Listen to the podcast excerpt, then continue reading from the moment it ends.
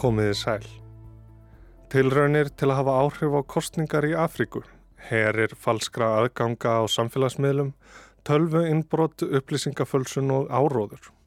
Þetta er aðeins brota því sem áttamánaða löngar ansóknarvinna alþjóðlegs hóps bladamanna hefur dreyið upp á yfirborðið og byrtust niðurstöður rannsóknana á mörgum virtustu miðlum heims um miðjan februar.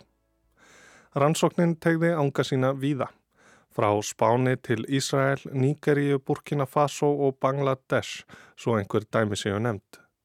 Bladamennir sem voru yfir hundraðtalsins flettu ofan af mjög ábatasömmum yðnaði sem gengur út á að dreifa fölskum upplýsingum, fela sannleikan, valda rugglingi og óreiðu til að hafa áhrif á gang heimsmálana. Fyrirtækin sem umræðir selja þjónustu sína hæstbjóðendum, hvort sem það eru ríki, einstaklingar, önnur fyrirtæki eða hagsmuna aðilar og beita bæði óheiðarlegum og ólöglegum aðferðum til að ná settum markmiðum. Að baki rannsókninni sem ber heitið Story Killers stóðu frönsku samtökin Forbidden Stories hvers markmið er að vernda, fylgja eftir og byrta vinnu bladamanna sem sæta hótunum fangilsisvist eða jafnvel ofbeldi og morðtilraunum. En tvö tiltekin mál standa upp úr í rannsókninni hvernig Ísraelski hópurinn Tím Horgei silur aðgangað stólnum upplýsingum og dreifingu falsfrétta og það hvernig hefur spænska eliminalia misnota réttin til að gleymast til að fela óþægilegar staðrindir um viðskiptavinni sína. Ég heiti Snorri Rafn Hallsson og þú ert að hlusta á þetta helst og helst í dag er móðreiks maskinan sem nú hefur verið afhjúpuð.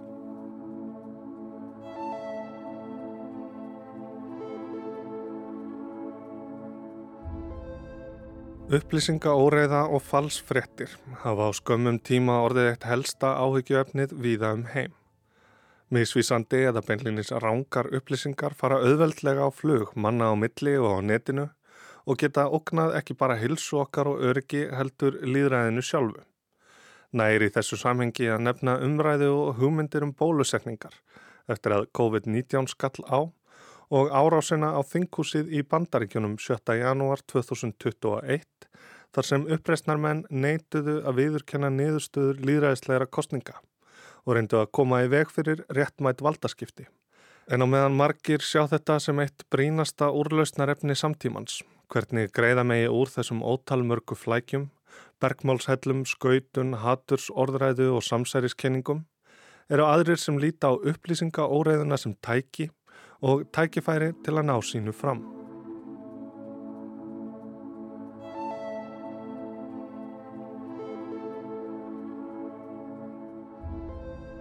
Þann 5. september 2017 var indverska bladakonan Gauri Lankesh á leið heim frá vinnu í Bangalore þegar fjórum skotum var hlift af. Það fyrsta hefði hana í aukslina, næstu tvö í kviðin og sundruðu inniblum Það síðasta kastaðist af vekk heimilisennar.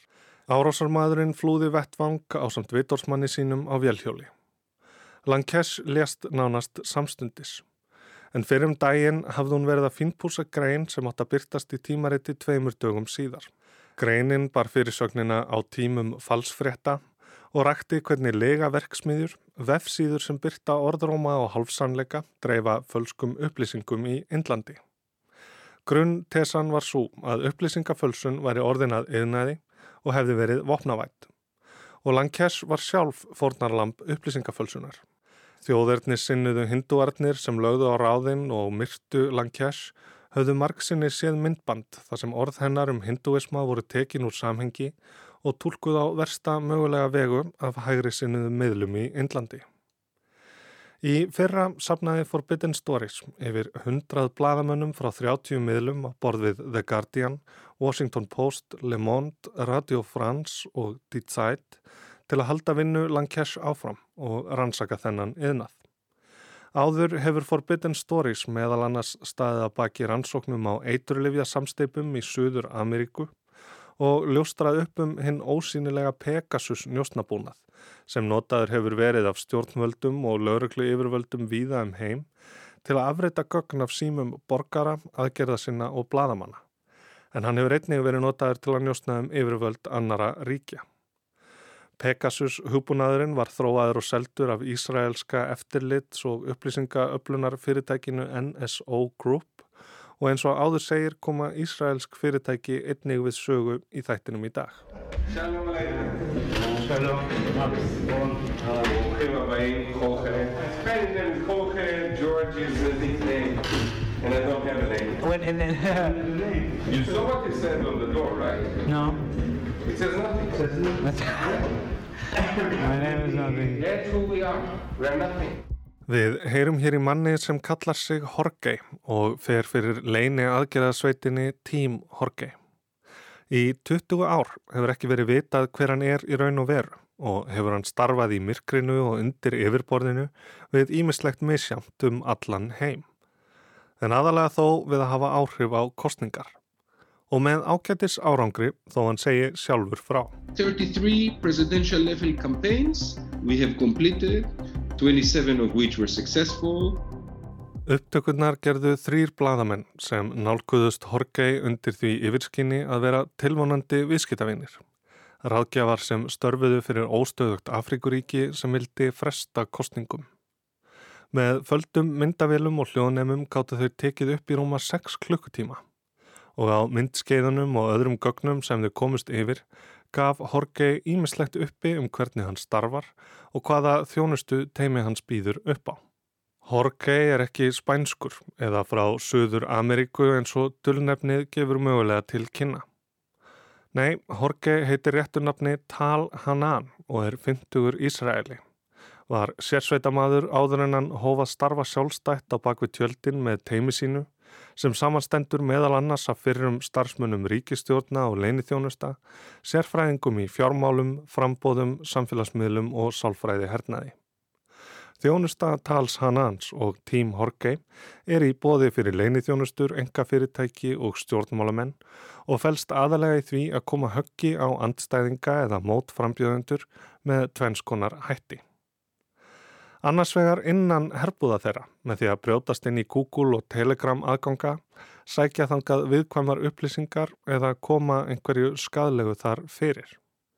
Ég fylgist ekki bara með, sæði Hannan við bladamennina, eitt af því mikilvægasta er að koma kvistum fyrir á milli rétta fólksins. Hannan tók sem dæmi þegar teimi hans pantaði kynlífsleikfang af Amazon á heimili stjórnmálamanns svo kona hans heldi að hann væri henni ótrúr. Hinn aðferðin snýstum að ræja andstæðingin utanfrá.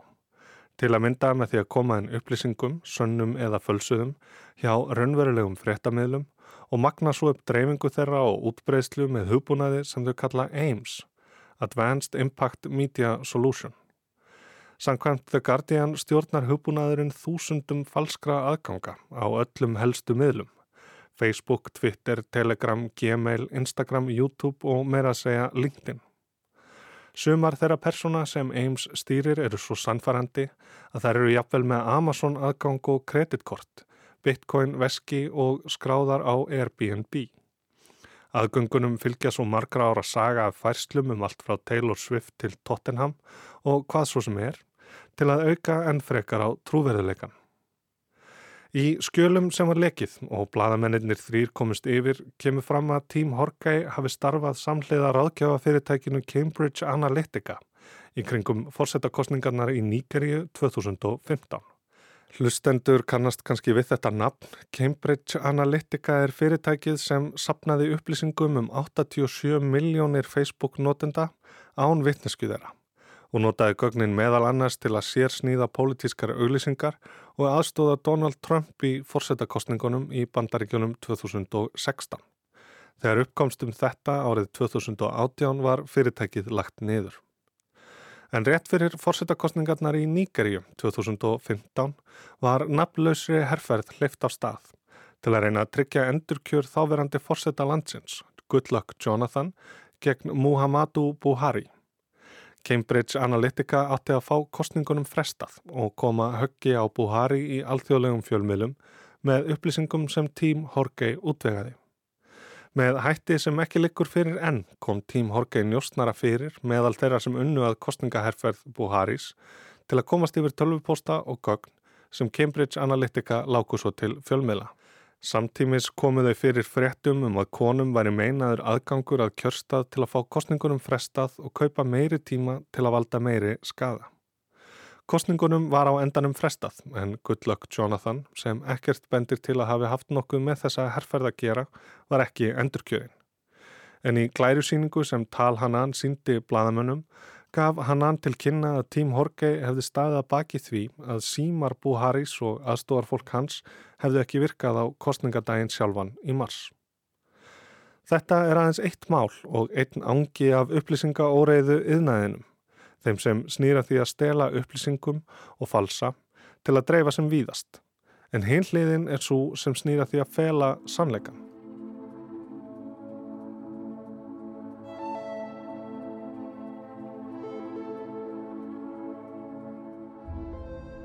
Það er stundum sagt að internetið gleimi engu en árið 2014 staðfesti Evrópudómstólinn rétt borgara til að gleimast.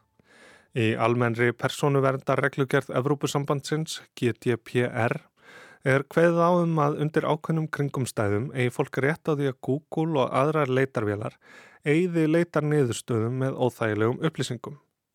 Hugmyndin er svo að hafi maður einhver tíman gert eitthvað af sér í fortíðinni en hafi svo bættar að sitt, sé ekki ástæða til að þessar óþægilegu upplýsingar til að mynda um dóma eða fjármál eldi mannað eilifu. Efnið sem vísaðir í stendur enn á sínum stað á fréttamiðlum og síðum domstóla sem dæmi, það er bara ekki hægt að leita að því á Google lengur. Til að fá þetta í gegn þarf að fylla át eigðublað hjá viðkomandi leitarvél sem tekur svo afstöðu til málsins. Þennan rétt hvaðst spænska fyrirtækið Eliminalia nýta sér til að eigða fortíðinni fyrir viðskiptavinni sína sem eru allt frá dæmdum glæpamönnum, kynferðisafbrótamönnum og fjársvikurum til fólks sem vil einfallega að internetið gleimi pínlegustu augnablikum lífstera og fá að halda áfram í friði. Þetta er það sem kallamætti orðspórsstýringu og 50.000 skjöl innan úr Eliminalia sem Story Killers fengu í hendurnar sína að þegar hefbundnar aðferðir bera ekki árangur gengur Eliminalia oft lengra en góðulægi sætir til að eigða upplýsingum.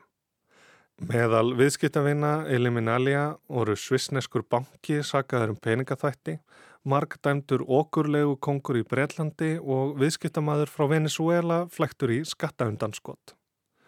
Þjónusta Eliminalia er ekki ódýr, kostar allt frá nokkur þúsund upp í hundrað þúsund eurur.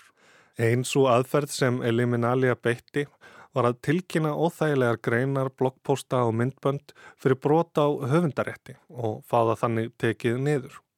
Stundum gekk fyrirtækið svo langt að villa á sér heimildir til að fá þetta í gegn Það eina sem þarf að gera þegar slíkar tilkynningar eru sendar, til dæmis til Google, er að haka í reit og staðfesta að maður sé að segja sannleikan. Þetta er áhrifarík aðverð en sagan af Hernan Gabriel Westman varpar ljósið á það hvernig leikam á á leitarvélarnar með öðrum hætti. SEO eða Search Engine Optimization, leitarvélabestun, fælsti því að skrifa teksta þannig að leitarvelar byrti hann á meðal efstu niðurstaðna fyrir tiltekinn leitarorð.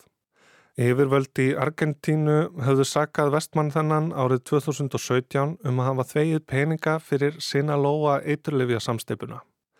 Vestmann vildi þó meina að þetta væri hemdaraðgerð fyrir að hafa átt í viðskiptum við forvera þáverandi fósetta Argentínu, Mauricio Macri, og var ákjæran látin falla niður vegna ónógra sönnunagagna. Vestmann tókst að fá argentínska miðla til að eigða greinum um hann en leitaði til Eliminalia til að gera sliktið sama í erlendum miðlum. Leitimaður að nafni Vestmann koma nú upp hinnar ymsu greinar í hans nafni. Greinar um reglur amerísks fóbolta, hvernig heimsbyggi snertir við hverstagslífinu og náttúrulegan hróka chihuahua hunda. Efni sem margir leita að og smetla á. Greinarnar eru á síðum sem tengjast eliminalia og gera það verkum að umfjöllun um meint peningaþvætti byrtist ekki fyrir en eftir nokkrar síður af leitarniðustöðum. Og eins og alltjóð veit er það sem ekki finnst á síðu 2 á Google svo gott sem klemt og grafið. Allavega nokkuð vel falið. Þetta hefur reyndar breyst örlítið. Nafn Vestmann er nú tengt órjúvanlegum böndum þessari rannsókn Storykillers, þar sem hann ákvaða að koma fram undir nafni, en þar er réttum upplýsingum um hann í það minnsta haldið til haga. Hann segist ekki hafa vitað af aðferðum Eliminalia þegar hann kifti þjónustuna. Eliminalia hefur nú skipt um nafn, kallast iData Protection, mögulega í tilrönd til að fela þær óþægilegu upplýsingar sem nú hafa litið dagsins ljós.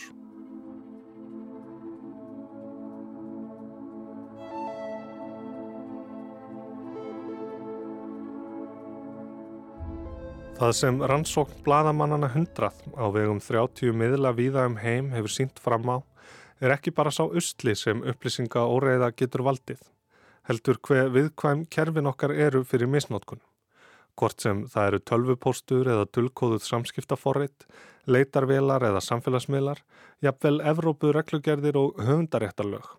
Þá er heil yðnaður þarna úti sem svífst einskis til að nota það til að dreifa fölskum og stólnum upplýsingum, fela sannleikan og hafa áhrif á gang heimsmálana. Hér hef ég aðeins farið yfir brota því sem Storykillers og Forbidden Stories komist að og það er aftur bara brota því sem á sér stað. En þetta var helst af móðreiksmaskinunni sem nú hefur verið afhjúpuð að hluta til að minnstakosti. Ég heiti Snorri Ramm Hallsson og þakka á hernina.